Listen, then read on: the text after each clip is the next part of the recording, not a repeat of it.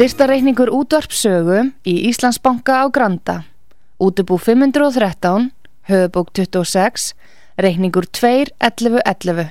Nánari upplýsingar á útvarpsaga.is. Takk fyrir stöðningin.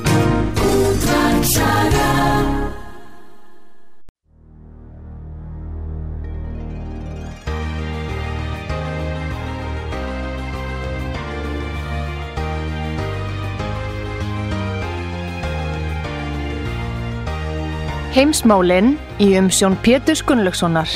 Fréttir og fréttatengt efni af Erlendum Vettvangi.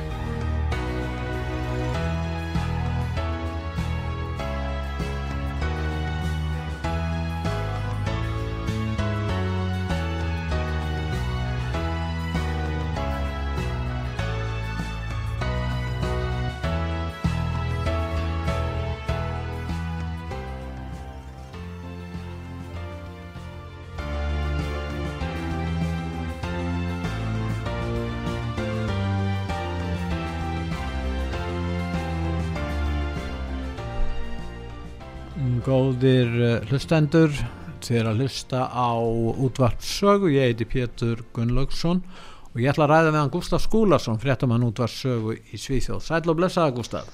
Já, komdu marg blessaða Pétur og hlustendur.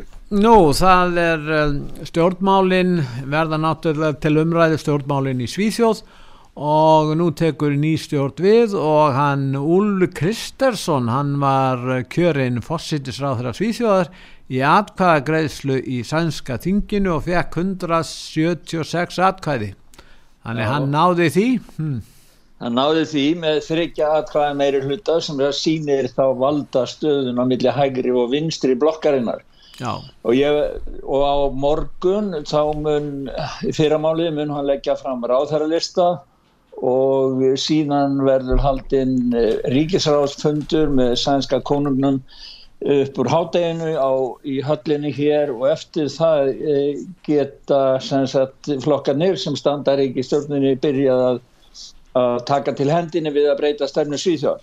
Það hafa náttúrulega verið mikið blagamannafundir, þeir hafa kynnt, kynnt í fyrir viku flokkanir þessi, það er mótiratar, Svíþjóðdemokrater, e, kristdemokrater, kristilegi demokrater og svo frjálslindir og þeir kynntu það sem hefur kallið tíðu sáttmálan uh, heitir eftir stanum sem þau voru á þar sem þau voru að vinna að samningagerð sína villi þá kynntu þau stefnusgrá nýju ríkistjórnarinnar í síðustu viku og uh, það er óætt að segja það hefur verið gríðarleg hvað ég að segja óánægja, ósemja og, og, og mikið fuss og sveigað af halvu vinstrimanna, krata og, og vinstrimanna hér sem áður hafðu aðganga að valda stólunum en hafa nú tapað þeim eftir kostningarnar og það sem allt er fundið öllu til foráttu. En það sem upp úr stendur ef við kíkjum aðeins á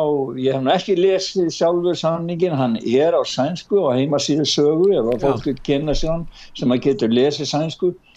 En það sem að umræðum sérfræðing og annar þá ber flestum saman um það að þó að Svíþjóðdemokrata fái engan ráð þeirra í, í ríkistjórninni sem að mörgum finnst vera ámælisverð að þá séu þeir samt sem áður stór sigur vegari, ekki bara kostningana heldur líka varðandi ríkisstjórnar myndununa því að öll þeirra innflýtjenda stefna og stefna gagvart glæbangengunum í Svíþjóð hefur náða fram, fram að ganga í sáttmála nýju ríkistjórnarina hérna.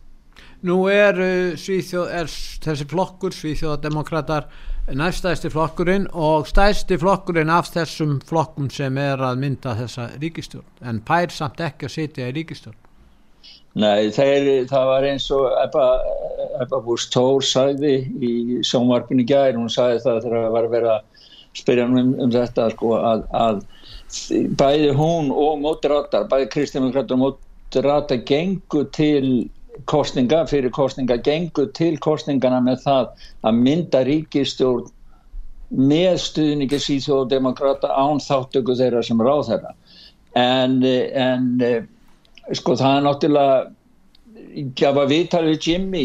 Við erum með hljóput, við ættum kannski að hlusta á hann því að það kemur fram, ég setti svona smá sirpu, hvað sem þau eru einmitt að ræða um sko uh, sáttmála sína milli, það ættum að þess að heyra því að heyra hvað þessi já, já allt det som täcks i det här avtalet tycker jag är väldigt bra politik. Det har varit vår utgångspunkt hela tiden att det bästa hade varit en majoritetsregering med fyra partier. Eh, det hade varit stabilt för Sverige. Vi har inte haft majoritetsregeringar på länge, men det är klart att, att, eh, att kan vi få igenom all den politik som vi får igenom och där vi har sagt också hela valrörelsen att sakpolitiken måste få stå i centrum. Det är sakpolitiken som faktiskt spelar roll på riktigt. Ja, då är det här ett, ett, väldigt, väldigt bra avtal för oss. Det blir sju stycken samarbetsprojekt. De kommer att handla om kriminalitet och migration och integration. De kommer att handla om energi och klimat och sjukvård. De kommer att handla om skola och stärkta fri och rättigheter. De kommer att handla om budget och den ekonomiska politiken. Vi är eniga om att utreda för och nackdelar samt föreslå hur ett delvis eller helt statligt huvudmannaskap för vården ska gå till. Mitt parti består av mycket kloka människor som förstår att eh, när man går till val så säger man en sak innan valet. Sen genomförs valet. Sen säger man en sak också efter valet. Ja, þarna ja. Eh, Jimmy Åkesson leggur á því sko það var Jimmy Åkesson sem já, talaði já, fyrstur já. og hann sagði það að það væri náttúrulega æskilegast að það hefði verið fjóri flokkar og ráðherra frá öllum flokkanum en hann sagði það að miða við það sem við fengum í gegn í sáttmálanum þá megum við unna vel við okkar hlut. Því að það er ef þeir upp í staði þá er það stefnubreitingin og áranguruna henni sem skiptur okkur mestu máli sagði hann En til þess að tryggja það að hinn er flokkarnir eins og frjálslindir steyðji þessa stefnu eins og, er, eins og hún byrtist í stjórnarsáttmálanum. Hvaða möguleika hafa þeir annan að hóta því þá að, að fella stjórnina? Já það hryktir í stóðum hjá frjálslindum og æskulis, eða, já, æskulissambandi hjá þeim unglingadeildin Já þetta er smá flokkur, þetta er flokkur sem maður mátti þakka fyrir að komast á þing Þeir einmitt, það var akkurat það sem að Jimmy bendi á í gær þegar að, að person sem er fórustum að flokksins núna rifir hann upp frá því að, að hverfa þingi upp í það að komast inn á þing. En, en, en sumir og það, mér fannst nú bara á fyrirspyrjanda agenda í gerðkvöldi í sannskæði sjónvarpinu bara eins og hún væri bara þegar hún var bara í því að reyna að klína á uh, ríkistjórnina nýju ríki, uh, leittóflokkana mm. að, að að frjálslindi myndi hoppa af og þetta með þessi stjórn var í dauðadæm þannig að þeir myndi hoppa af. En allir kusu eins og þeir átt að kjósa á þingin í morgun þannig að sjá nú hvernig það fer. En breytingarnir eru fyrst og fremst uh, eiga eftir að koma í ljós það er sko, þeir fara nýra á lámark með að taka móti kvótaflótamönnum frá Evrópusambandinu. Það er, þeir hafa verið með 6.400 5.000 af þeim en fara nýri í það lámarsleift sem er 900 held ég. 6 eða 900 mann ekki alveg. Og Jú, 900 manns er það. Og svo, og svo er það allar er að byggja, núna setja í gang að byggja kjarnorku upp aftökkort endur að taka endur ræsa gömul kjarnorku er sem hafa verið tekin úr, úr, úr sambandi hérna. Ja. Og, og þeir ætla að setja í gang strax áallunum að byggja ný en það tekur 10-15 ár að byggja ný kjarnorku þetta ja. gerist bara ekki á einu nóttu sko. og, og svo er þeir í sambandi við peningana þá er þeir búin að allar að taka burtu, það hefur verið Svíþjóð hefur verið mjög gafmelt þróunastóð til þróunalanda með 1% af þjó, vergrið þjóðaframlislu Svíþjóðar þeir eru afnema það núna. Og þá notaðu sumt af þeim peningum til þess að fjármagna eitthvað af því sem þeir ætla að vinna af. En það við komum að því setna því að þeir koma með, með, með eh, fjárlögin síðar. En e, það er um grundallega stefnubreitingu að ræða og, og algjört annað viðhór sem að mótast mest af glæpamennskunni sem er hérna í Svíþjóð. Og þetta er það sem að kjósendur sænski kjósendur vilja. En uh, gótaflottamenn voru 6.500 fara neyri 900 í Svíþjóð búa hvað 11 miljónir á Íslandi búa 380.000 manns. Það verða yfir 5.000 hælisleitendur sem koma til Íslands á þessu ári. Hvað finnst þér?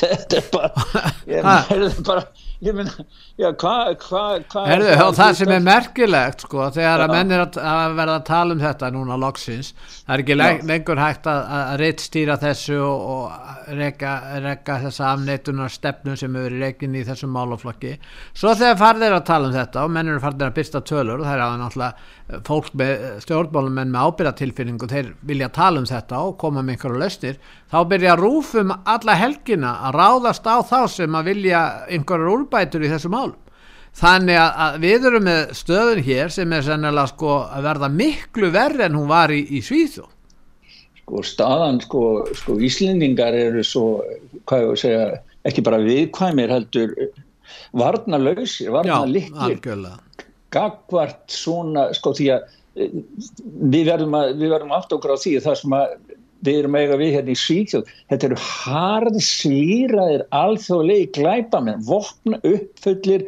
af vopnum hrískotabessum, sprengingum kenna fólk að búi til sprengur og svo, svo er það sko líka fólk sem er í hlýðar samfélum þeir gjör samlega trafka á öllu sem heita lög og, og, og réttur og og, og, og fæ að lifa bara eigin líf. Ég menna, Íslandi er það lítið. Þeir gætu bara að tekið yfir landi bara á nokkrum vikum sko. En þeir sem vilja hafa ofin landamæri, þeir hlust ekki á þetta sem þú ert að segja þeir bara halda áfram þessari stefnu þó það kæmi 10.000 á næsta ári þeir myndi ekkert segja við því og þó það kosti kannski 10 miljón á, á hvern hælisleitan það skiptir engum áli við erum að tala um verulegar uppæðir við erum að tala um verulegar breytingar á samfélaginu. En ef þeir vilja þetta þá er að koma fram og raukstiðja það og spyrja sko ræða þá um þetta. Þeir vilja það ekki Þeir vilja engöngu að stefna sér ekki þeir sem að andæfa þessu koma með aðtúarsemtir og bara skinsamlegar ábendingar. Því eru eitt, öllu ítt til hliðar og, og sagt já þetta eru bara aðla sem við hlustum ekki á.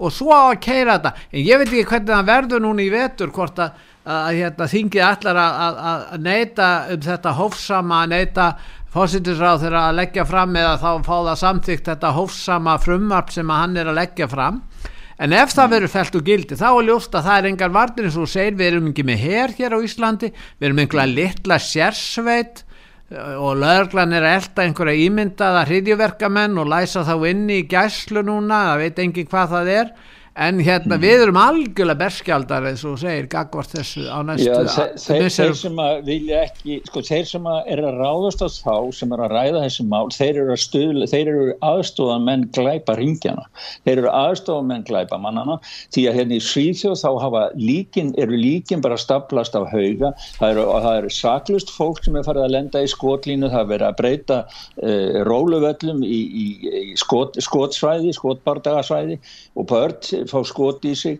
það, það er 53. fórnalampi og að drepi núna í Gautaborg núna fyrir helgi, það var leiðubilstjóri sem var bara Er það 53. fórnalampi eh, morð?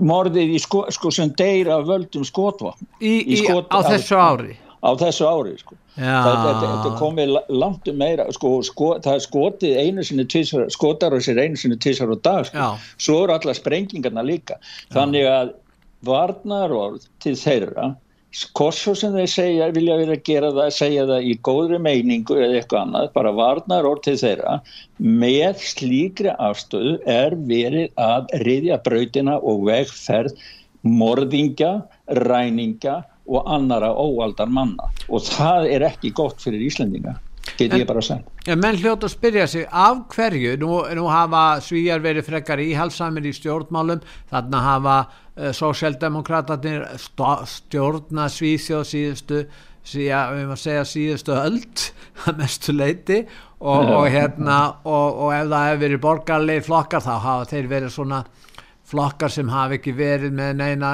harða stefna á neinu sviði.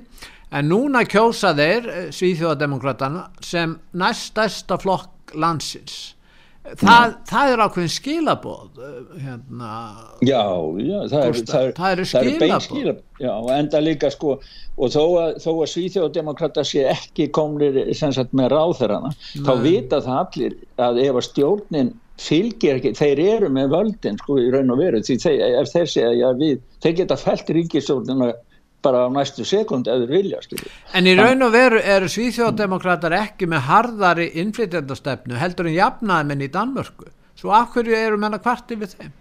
Já, það er akkurat og það er, það er en það, það sem er sko, það sem, vera, það sem allir finna hér og ég finn svo vel þegar ég er að horfa á þetta og eins og hún listi, hún Ebba Bústór hjá Kristdemokratum, hún sagði það við ætlum að breyta stefnunni í staðin fyrir að vera eins og indjánar sem er að, að sapna höfulegri á stjórnaranstæðingum okkar þá ætlum við að vinna saman með þeim sem að vilja vinna fyrir hagsmunni svíþjóðar og svíja þannig að þetta er svona svolítið svona gerum svíþjóð stórt aftur eða, eða hagsmunni að, að fókusera á það sem er hagu síg og hann sagði það einmitt Ulf í morgun sem er á að spörðu sko, sko það, það er bara stefnu breyting að vera ekki að ráðast allan tíman á stjórnaranstæðingana heldur að vinna saman í þeim málum sem sem að er. Og hann sagði ég er breið búin að vinna hverju sem er líka með sósaldemokrutum ef, ef það er við erum sammála um eitthvað sem er, er gott fyrir svíðsum Nú hitt málið eh, sem að það er náttúrulega innflytjandamálin og, og, og, og glæpa gengin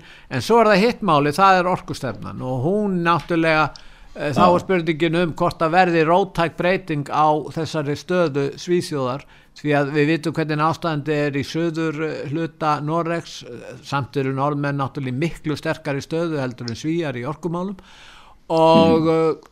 hva, hvað er búist við að, að nýja ríkistjórnin muni geta afreika fyrir utan það náttúrulega þeir setja á stað sko uh, það áallunum að reysa kjarnorkuver Jú, þeir eru með sko, það hefur verið mikla umræðum það líka, þeir eru alltaf breyta það hefur verið laga kröfur um að blanda í bensinni svona öðrum efnum til þess að draga, gera það meira grænt sko, þeir eru alltaf minga það að breyta þeim lögum og svo verða þeir ábyggilega ekki einn strífandi í svona vindmilu áróðri að reysa vindmilur eins og fyrrvænandi ríkistjórn og þá er aðteklisvægt í því samhengi sem ég verður nú aðeins að koma að Já. að það var viðtal við einn eiganda hérna, Magnus heitir hann eh, Karlsson sem á nokkrar vindmilur Já. og hann, sko það eru um 5 búið að reysa um 5.000 vindmjölur í Svíþjóð 5.000 vindmjölur og hann sagði það að hann vissum það að það væri eigundur yfir 1000 uh, vindmjöluna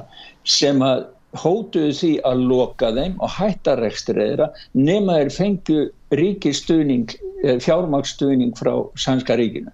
Og hann sagði það að þegar að það blési og það snúa snúlóksins þá blása allar í einu og þá lækka rafmagnir svo mikið að þeir verða greiða með því á, á hérna, netunu sem sagt, rafmagsnetunu þeir verða borga með rafmagnir og þá verða neðast til þess að loka og hætta að, að framlega rafmagn Þá lækkar markasverðið altså Já.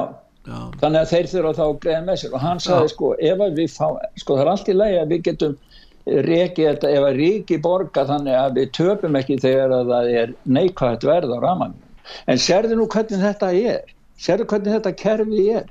Sko þeir sem að hafa grætt á því að byggja vindmjölin að selja efni og koma svo allir gang og sýta svo kannski einhver starf hínum einn við þessa svo kalluðu markaði Uh, kauphallarmarkaði sem að Evrópu þingi sem að Evrópu sabbat er búin að leggja af núna. Já Já, og fylgja, fylgja því kerfi. Þar er, það, það, það, er, það er nú það sem er aðal ástæðan fyrir því að allt er að fara til fjandans í efnaðarsmálunum hérna með, með, með orkuna, það er þessi kaupallar, þetta kaupallarstig sem Európa-sand kemur í, en sérðu nú hvernig þetta er, það er ekki hægt að reyka vindmjöluna með það miklum hagnaði í þessu kerfi að þeir sem eigar geti lífa með þar þegar það blæs.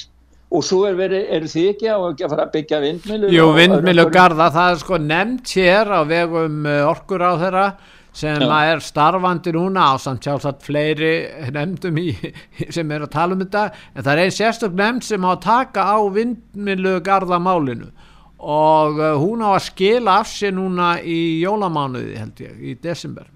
Já, þetta er sko, ég, þeir ættu þá að taka með sér þessa reynslu frá Svíðsjóð bæn yfir þúsund vindmilu eða eigenda yfir þúsund vindmila það er 20% allra vindmæli síðjó bæn til ríkistjórnar um að fá að komast á ríkistyrk svo að þeir ekki að loka þeim vegna tabrækstra þetta er skilabúin frá vindmilun eigandum en það er ekki engöngu vindmilegjandur það eru önnur fyrirtæki í Svíþjóð sem er í miklum uh, vanda og orkukreppan skapar fátaktar gildru líka þá erum við að tala um neytendur og fyrir utan lítil og meðstór fyrirtæki sem þurfa að nota mikið ramagn uh, þau bara ráð ekkert við þetta lengur og verða bara að loka Já, við myndumst að hans á það hérna í síðast eh, held ég að það voru yfir átta ljansæðingjar sem hérna í Svíþjóð sem að sendu bara frá sér SOS Já. og voru að tala um orkufáttækt og annað vegna þess að fólk er bara bæði fyrirtækjur farin á hausin og, og heimilinn get ekki borgað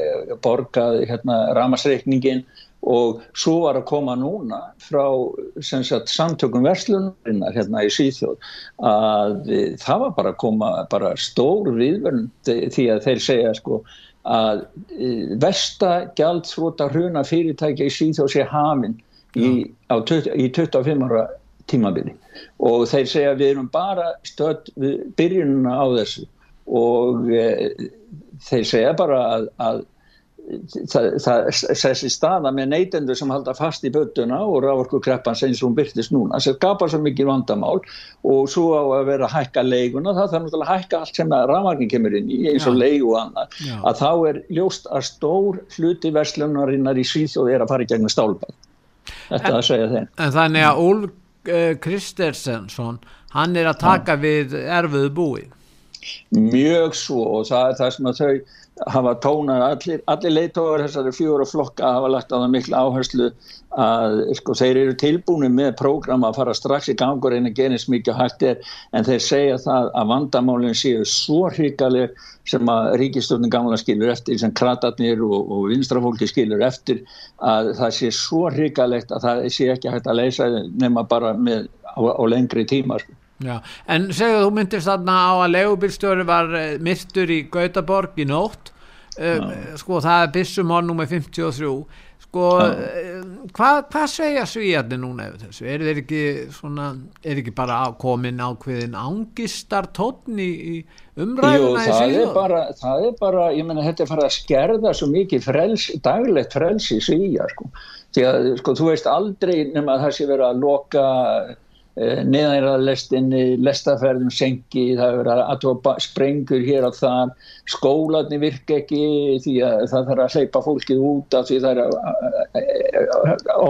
að hræðsla við einhversi sem verður að stjóta bissum fyrir utan skólan eða á skólalóðinni.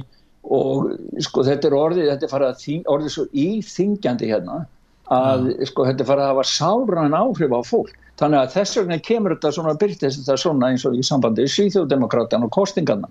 Fólk er búið að fá alveg upp í kók út af þessu. Já það er ofbeldi innan Svíþjóður og svo er það spurningin um það. Nú mun nýja ríkistjórnin halda áfram sömu stefnu og fyrirverðandi ríkistjórn hafði varðandi stríðið eða innrásina í Úkræn og hvað segir þú það? Já, ég get sagt það, ég bara, það data mér alla sko þegar ég hlusta á fyrirverðandi fórsættisára Sýþur og Freyri Grænfeld, hann var hérna Já, í... hann sá sem er frá Moderata flokkum og var á sínum tíma Já, já, hann var nú fórsættisráður að síða og hann tókst það, tókst það verka að samina stjórnaranstöðuna og, og gatt felt sagt, skip kratana, tvö kjörtímabil sem var bara afreg út af fyrir sig en hann kemur núna tilbaka, það er merkilegt að margir á þessum bæði Er hann að fara í ríkistjórn aftur þessi námingi? Nei, nei, nei, nei, hann er ekkit í pólitík en það er svo merkilegt að margir af þessum pólitíkusum sem hafa hægt í pólitíkina verið einhver númer hérna innan, innan kerfisins, þeir eru allir komin í einhverja alþjóðlega ráðgjáðastöðu og núna er hann komin inn sem einhver er, er, er viðtal við hann hérna hjá sjónvarpinu sem einhver sérfræðing í hernaðmálum og hann var að tala um stríðið í Úgrænu og hann var bara stríðsæsinga maður hann sagði það bara það er ekki hægt að leysa þetta mál nema með herri, með, með stríði. Og við verðum bara að senda inn meiri vokk og við verðum bara að vinna þetta stríð. Já, það, það, það, það er, já, þeir segja það flesti núna að þeir eru spurðir hvernig, eh, hvernig verða endalókin verða einhverjar fríðarviðrar nei, segja þeir, nánast allir í Evrópu og þeir segja að Úkræna verður að sigra á výgvellinum og þá já. vaknar auðvitað þessi spurning og, og hérna fyrir miklar fórnir þarf til dæmis Úkræna að færa og, og aðrir og rússarnir líka náttúrulega óbreytti borgar eða þeir sem eru settir inn í þessa, þetta styrjaldar ástand hver miklar verða fórtundan ef þetta stríð heldur áfram í missmörg misser og árið? Já, það er sko, það ber öllum saman um það, ég menna að, að, að stríði mingar ekkert, það bara eikst allan tíman og það með sér komið þannig að, að rúsarnir eru, eru búin að breyta um taktik því að áður þá er skurta aðeins svona eitthvað pínlítið byrjun hann á kænugar en núna eru þau í stór Þeir eru að ráðast þarna á fullum krafti á, á kænugarð og, og mörgunum svæði, það er bara Já, það er að breyðast úr stríð og kvítarúsar eru komnir hann einn líka Þeir eru fannir að færa hérna, herga, her, já, styrtreka að landamærum Úkrænu, ég minna, hvað er já, að gera það? Það, það? það sem er og það segir það eitt hérna, það segir það eitt hérna, uh, skoðum sjá, uh, hann heiti MacGregor og við erum með hljópand með honum, Dog MacGregor, hann var í viðtali og hann segir það að rússar þegar þeir eru búin að sjá sko að það er engin, þeir eiga engin tök á því að, að neittvíli semja við þá, þá breytið um, hafa þeir breytt um taktík og þeir allir núna bara taka alla útgræðinu og þess vegna, þess vegna, það, þess vegna eru þeir að það voru byrtar alveg svakalega myndir hérna í sænska sjónvarpina sem voru sína þeir voru bara taka fólki sko bara herrnámi sko, þeir bara fóru út og tóku bara kallmenn bara og, og dróðu það inn því að þeir eru að fara í herin sko. og þess, þess kannar að vera með þessa hersöflun. Og núna á bara að fara í stór, stóra ára En þeir eru að kaupa vop dróna frá Íran.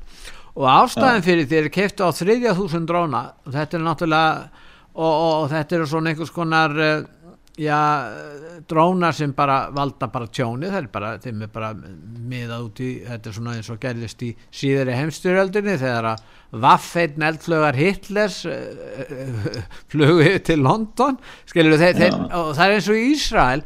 Ísraelsmenn hafa sko möguleika á því að verjast þessum eldflögum þeirra 90% af þeim eru skotnað niður en, en Úkrænum menn er ekki komni með þannig vopn þannig að, eins og segir þetta bara heldur áfram og, og vestnar bara núna. Já og ég menna og aðri sína líki verki því að núna til dæmis var að koma frá Finnlandi. Þeir eru undirbúa núna fluttning íbú í stórum stíl frá landamænu Rúsland bara til að vera, vera undirbúinir ef og þegar rúsaldin koma. Og það, það er um það sem að grein hann og ég tók bara gamla myndakon með svona plakati sem að var frá sænska, neina finska vetrastriðinu 39 og það, það, það sem að þeir skilabóð, það er bara beinagrind döðin sem er með skilabóð til rúsnarska herman, hann kom ekki hinga því það býr eitthvað snjór, kuldu og döð eða þau komið til Finnlands. Og svo var finski yfirhersöðingin Tímo Kífin en hann var að vara rúsnarski yfirvöldu í því núna í júni að ráast með hér á Finnlandi því að við höfum sko varnar, varnir fyrir nákvæmlega sömu tegund hernar og þýrum í Úgræni sko við höfum mikið skotstyrk brinnvarðan hér og eitthvað sko málið er Pétur að þetta er bara, það er bara komið upp í stríðið að byrja að lifa eigin lífi. Það eru hernaðaraðilar sem er í því sem er, er, er tala og það eru pólitíkusar sem koma fram núna og skúma skótanum og, og, og sína hvar þeir standa. Þannig að stríðið er komið í, sko, komið þá langt að ég, það eru margir sem telja að það hefur alltaf hægt að, hægt að snúa yfir. Lavró var með yfirlýsingar um daginn í einhverju viðtali að það sem hann sagði Já, við höfum aldrei hafnað neittni alvarlegri, skinsamlegri tilugum að halda sambandinu en það tekur engin e, slík skinsamlega frumkvæði lengur. Sko þeir, þeir eru búin að gefast upp, rúsarnir, að mekkur vilji semja við það. Það voru samningar þarna áður eins og við höfum rætt. Skilum. En svo var eh, kommunistaflokkur Kína með sína flokksráðstefnu núna og, og þar kemur eiginlega fram og það er menn tólka þetta þannig að kynverjarnir eru að tengjast rúsanum frekar. Þannig að, að, að það er spurningin um sko þeir hafa verið tvístegandi því að þeir hafa svona uh, verið talspenn þess að ríki stöðuleiki varandi landamæri og samskipti ríkja. En uh, það er spurningi ef að er að fara að skipta sér meira af þessu. Og þá náttúrulega rússarnir verða kann vera kannski að treysta því betur en það verður ekkit ókeipis fyrir rússarna, þú gerir grein fyrir því. Já og svo sko svo ég menna það, það er svo miklar til dæmis eins og Eh, eitt hérna frá, frá utanrikkismálastjóri Európa-sambassins hann segir bara Vesturland sko, hann er komin í svona sama strísæsingagíl og segir bara Vesturland muni, muni tortíma herjum Rúslands ég menna þetta, þetta er komið skynseimin, það er verið búið að jarða skynseiminna í þessu máli. En ef við heyra þess hvað hann segir hérna? Og svo var náttúrulega sko, saminuð þjóðna, þeir voru með þetta voru svo keksrugla að það var fulltrúið saminuð þjóðna hann sagði að Úkrænistyrjum var í blessum fyrir lofslægin Á, hækka verða orgu og, og þá verður minni notkun, orkun notkun og þess að hann sé stríðið ávinningur, er það það sem er hugsuninn? Já, það, já, það, það Já, það var frekar það sko, já, það myndi flýta fyrir grænu umskiptunum sem eru svo já. gott fyrir loft, já, myndi stoppa loftla svo annars. Dýrt verð á, á, á hérna orkunni, já. Er, heyrum, er, er það ekki hérna, það er að segja að sumir í Washington uh, vilja sko þrýsta á styrjöld, jafnvel gagvart Rúslandi og þá myndi það leiða til þess að ymsir innan allarsasbandalagsins færu kannski endur skoða aftur sína. En við skulum heyra hvað hann hefur að segja. Hann heitir Doug McGregor hver er það einlega sem að við hann er hersöðingi hérna, við skulum sjá, ég ætla að taka hann fram hérna uh, hann er bandarískur hersöðingi já, bandarískur fyrirvægandi hersöðingi já.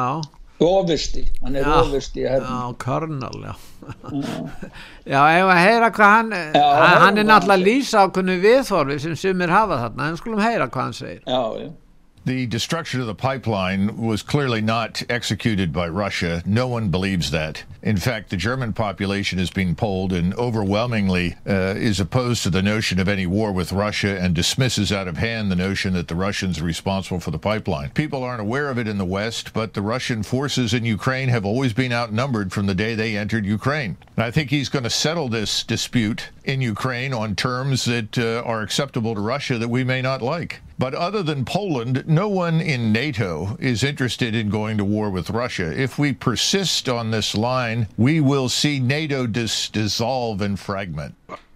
Já, hann segir að NATO muni leysast upp en að alltaf halda þessari hallinu stefnum gangandi.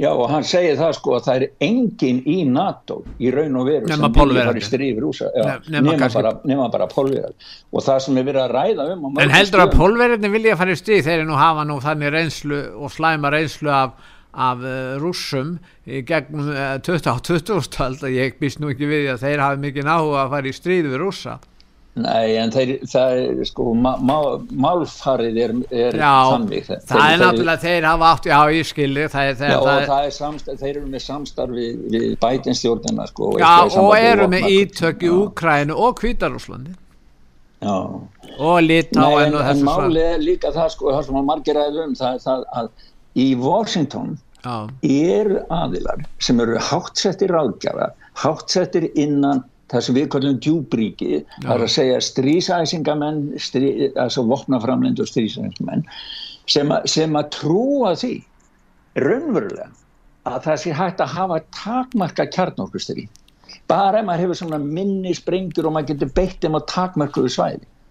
En flest allir sem er, þegar ég líti yfir svona sjónum og það sem maður sér og heyrir og annað, flest allir segja ef það væri byrjað að beita kjarnorkuvopnum þá er ekki að það snúa við.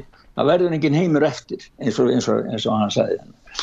En svo, svo hérna erum við með sko en það er Orban til dæmis Viktor Orban, hann vil semja fríð og hann, hann, hann er eiginlega eini maðurinn hérna í, í, í Evrópu af, af Evrópu sambandsríkja leitónum sem, sem vil semja um fríð og svo hafa verið mótmæli sem ekki ábyggileg ekki, Rúf segir ekki ábyggilega frá á Íslandi, það hafa verið mikil mót og það hafa ekki verið sett ræðum hérna í svona mainstream sem heit ég að hérna nei, en það hafa verið mikil mótmæli í Þískalandi og, og Tjekkalandi og held ég Belgíu líka gegn sem sagt NATO gegn Eh, já það var Frakland, Þískland og Tjekkland ah. gegn NATO og ESB að vera að skipta sér af þessu stríði sko. og í Þískland eins og um, hann segir það hefur verið gerða, gerða kannan eða þjóðverð eru algjörlega á mótið því að fara í stríð við Úsland þeir eru gjörsamlega á mótið sko.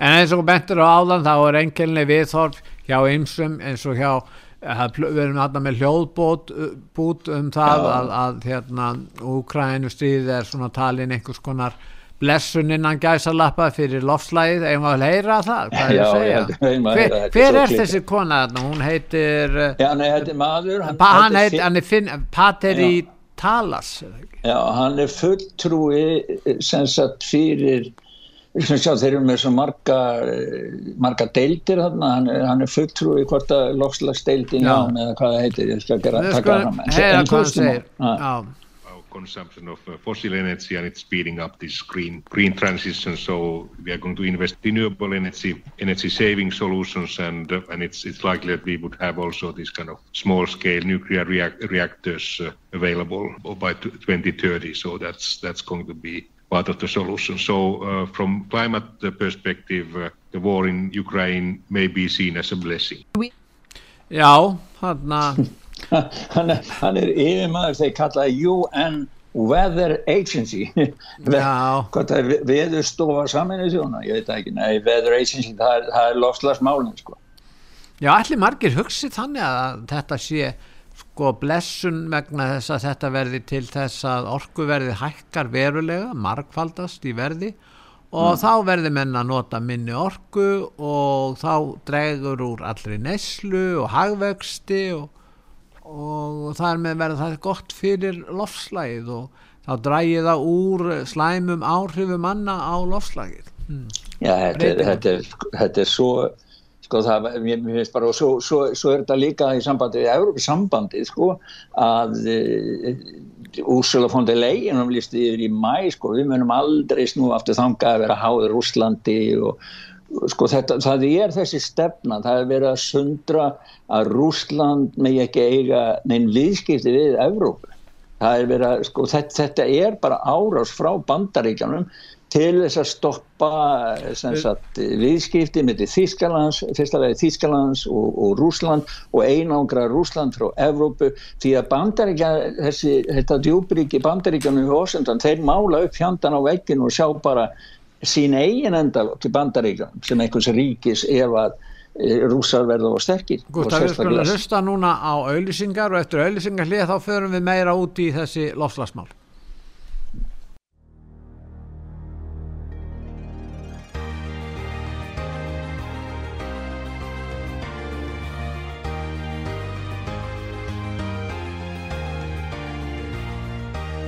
Heimsmálinn í umsjón Pétur Gunnlaugssonar Fréttir og fréttatengt efni af Erlendum Vettvangi. Góðir hlustendur, þið er að hlusta, hlusta á útvartsögu. Ég heiti Pétur Gunnlaugsson og ég er að ræða meðan Gustaf Skúlason í Svíþjóð. Gustaf, nú er það þannig að eh, Karl konungur þriðji, eða konungur Stórabrellands, sem hefur sterkar skoðanir í lofslagsmálum, hann fær ekki að mæta á lofslagsráðstöfnu saminnið þjón og halda þar erindið. Já, það er næsta mánuði í Egeftalandi COP27 kallar hana. COP26 var í Glasgow ef við munum eftir í og þá held hann ræð, þá var Elisabeth sem held ræð og hann líka held ég og, og aðrir úr konungsfjölskyldinu og það, það var, það var líka Boris Johnson sem var mikil stuðnismæður við grænu línun og allt það og Já. stoltur yfir því að vera sem sagt gerska við þeirra rástefnu en uh, og hann var settur upp sem einn aðal ræðumadurinn á, á COP27 núna í Ekitalandi en síðan þeir Elisabeth og eh, hann tekur við krúninu þó hann sé ekki búin að gera það endanlega ofinberlega enda en, en hann er orðin konungur Já. og þá var hann sagt, á fundi þá sagði Truss, Lís Truss fórsættisáðara Breitlands hún gerði innan, innan gæðsalappa aðtúarsend við að hann færi. Þannig að það var ákveði innan gæðsalappa í vinsend og virðingu að hann myndi ekki fara og halda sína ræðu sem var ákveði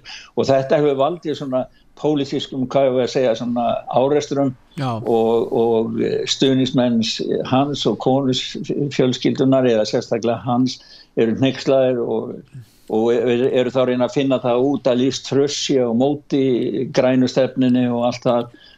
Og, en, en, en það er klátt mála, hún er með öðru vísa áherslur heldur en Boris Johnson í sambandi. Já, hún á nú ekki langan eh, og farsælan feril framöndan virðist vera því að þeir eru undirbúið það að losa, losa sér við hana fórustumenni í álsflokknum þeir vildu í þingflokkum aldrei fá hana þannig að Já. það er líklegt að það getur breyst við að, að það er ekkert fjallaðum annað núna í breskum fjölbylum heldur einmitt þetta klúður, þessar yfirlýsingar hennar illa í grundaðar og hún hafi ótt að kannski að vera ekki svona yfirlýsingaglöð og hún og þessi fyrirverandi fjármálur áður sem hún er búin að reka Reka, já, hann var nú ekki lengi.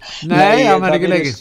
Nei, að verið sem að íhalsflokkurinn Tóri sé bara í sundraður og bara í, í, í bara, já, í sárum Já en svo er það þannig að sumir segja sko íhalsflokkurinn hafi nú bara hægt að vera íhalsflokkur og Cameron hafi bara verið framhaldið af Tony Blair og, og það er svona einmislega sem er að gerast þarna innan flokksins og, og þeir myndi sko ekki bara tapa í næstu kostingu, þeir eru náttúrulega þurkaðir út bara á stólum svæðum þarna.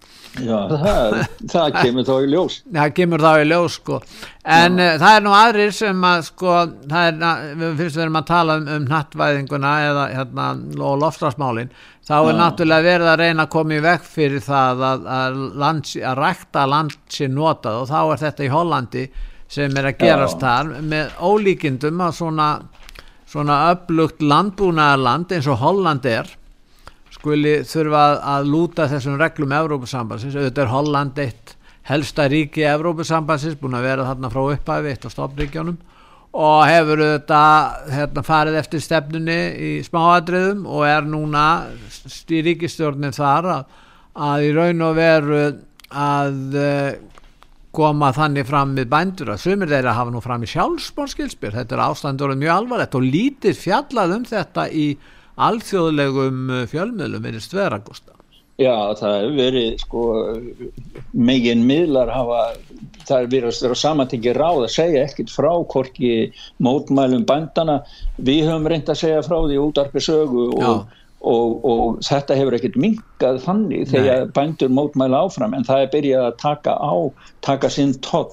Þessi pressa og ríkistjórnin hún í Pólandi, hún breytta aðeins um hún kom tilbaka með einhverja ný, nýja skýslu, þar sem að þeir breytta ekki innihaldinu, heldur bara aðeins svona yfirborðinu til að vera aðeins sleipari, Já. en þeir taka þeir bara taka land, þeir bara taka nöðungasölu uh, bílinn af, af bændunum. En við ættum að heyra hana góða konun okkar sem að mér finnst gaman, gaman en hún er, rétt, hún er réttar heimsbyggingur það ekki? Þessi Eva. Jú, já, ah. hún, er, hún er svo skýr ah. og hún, Eva Lardingerbrokk og, og hún er talsmaður frelsis og hún segir þetta sér reyta bara verið að koma á reynum kommunismæðana hún er mjög hér heyrum í henni. We had a farmer last week, 43 year old man who killed himself because he said he couldn't take it anymore. And he's not the only one. There are countless of examples like him. They say, of course, that it's because of a nitrogen crisis, which is completely manufactured and made up.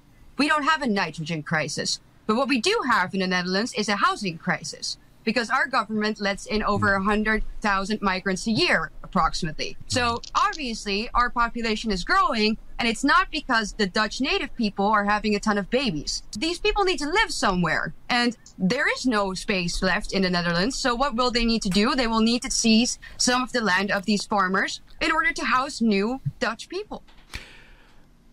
Já, Gustaf, þarna kemur fram að hún segir einmitt að þeir sé að taka að land af bændum til að byggja, það vanti húsnað í Hollandi, ekki vegna þess að hollendingu sjálfum fjálgar heldur að uh, innflytjandastefnan er með þeim hætti það er að koma svo margir innflytjendur inn og það þarf að byggja yfir þá. Þetta er svona eins og Íslandi, það er húsnæðisvandin, þetta er svona svipaðu vandi sem við sjáum núna. Ég veit ekki, en munurinn er sá að við höfum nægilegt landsvæði hérna á Íslandi til að byggja já, en, en já, já, einmitt sko en, en En ekki hollendingan. Það er kannski ódýrara fyrir íslensku, íslenska, íslensku ríkistjóð sem að vil fara sömu leið og hollendingan en það bara hrifsa einhver, einhver sveitabíli og, og fara að fylla þau með flótamenn. Já, nei, ég held nú ekki. Þetta er aðteglisverð sem hún segir í sambandi við innfleytendamálinn í Hollandi að það skuli sko vegna þess að ekki fjölgar hollendingum. Það er, það er bara innan við 2%, það sé ekki 1,7% Eh,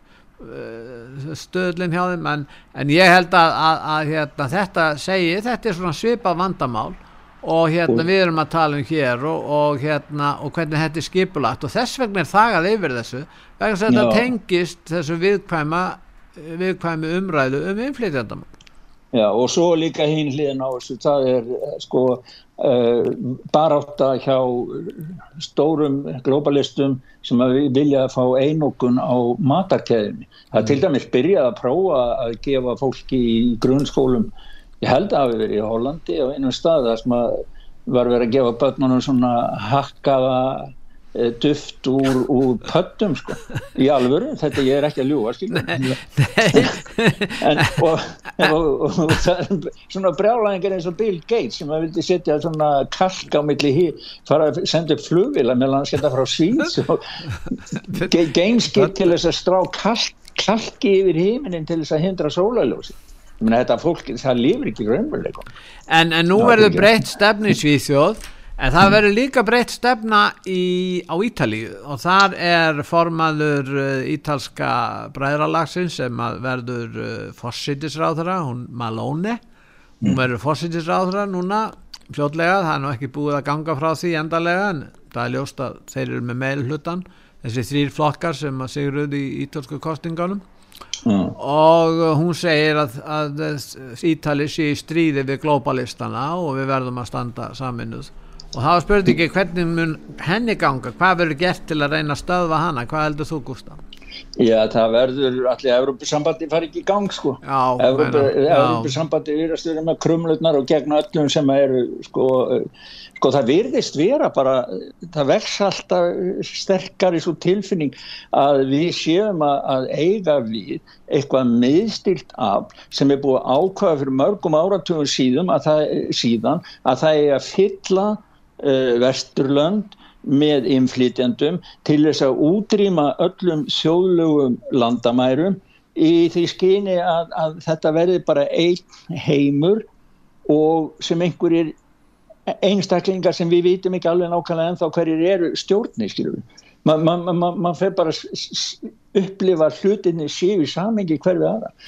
En, en, en, en hérna svo er annað í sambandi við til dæmis þetta með hvernig Európusambandið og, og raforku kerfi þess er. Það var að koma núna frá Pólandi þeir ætla að segja sér burtu úr orku sambandi Európusambandsins eh, og veistu hvað þið spara ramagni mikið Petur hugsaðu nú þetta. Þeir spara, lækka geta lækka ramagsverði í Pólandi um 60-70% með því að fara burt úr þessari Evrópusambands eh, innan gæðskalapa frjálsa samkeppni eh, hérna eh, kaupöll. Ég held að íslenskir þingmenn ættu nú að fylgjast með tróunni í Pólandi en varðandi Evrópusambandi þeir hafa verið að, hérna, verið að gaggrína og verið með allu gegn pólskuríkistjórninni og ungversku líka. Og núna vantalega gegn ítölsku stjórnini sem verður sett á laginnar fljótlega. Þannig að þetta verður heilmikið að gera í Európa-sambandinu að vera í þessu borgarastríði innan Európa-sambandsins? Já og, og svo, já, og svo nú annað sem er að koma upp, að, ég trú nú ekki mikið á, á það fyrir ég sé það en það var að koma fréttur um það núna, saksóknari Európa-sambandsins eh, er, er, er búin að opna á það að taka upp að kíkja á uh, samningana sem fondi legin gerði við, við Pfizer ja. það ég trúi ekki fyrir að sé það Nei. og svo var annan sem að var að koma í ljósuna sem að við erum með hljóput af sem ég vil endilega við spilum það var hollenskur hérna, Rob Rose heitir hann ah. eh, þegar Evropasambarstingmaður hann, hann bara hann var með eitt fulltrúa frá Pfizer í yfirherslu í, Evropasambarstinginu og hann spurði hann að því hvort það hefði verið gert, eh, þeir hefðu rannsakað að, e, að, að, að bólefnið kæmi veg fyrir smitt frá einni manneski til annara og við skulum hlusta á þetta og, hann, og, og hvernig, hvað hann segir um málið. Við gerum það. Was the Pfizer COVID vaccine tested on stopping the transmission of the virus before it entered the market? Um, regarding the question around um, did we know about stopping humanisation before um, it's entered the market? No.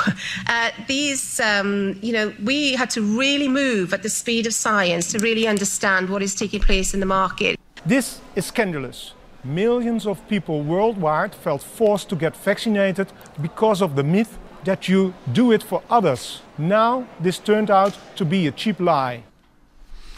Ja, Já, hann segir það sko, hann, hann, hann, hann segir, segir það, þetta viðtal við hann er á heimasíðu sögu, það er Já. náttúrulega miklu lengra, þetta er bara punktur. Og, og, og hann segir það sko, okkur var fósættisráður, helbriðsráður að Hollands, við okkur henni hérna íbúið Hollands, þið er að gera þetta fyrir aðra, ef við gerum þetta ekki bara fyrir sjálfur til líka vegna þess að þá hindrið það að þið smiti aðra eða en svo er, kemur í ljós þeir voru aldrei búin að prófa það og hún bara sló, nei, við hefum aldrei gert það Sa, saði þessi fulltrúi frá, frá Pfizer. Þannig að það er alltaf að koma meira og meira meira upp úr, upp úr eh, öskvinni með þetta mál sko. Við þurfum að fara til bandaríkjana áður um ljóku þættilum og það er þetta fyrverandi þingmaður demokrata, hún heitir Tulsi Gabbard, hún er mjög málefnanleg og kemur oft fram og, og, og hún er búin að segja sig úr demokratafloknum og að þingmaður á Hawaii á sínum tíma var, eh, Já. tók þátt í Íraksstríðinu.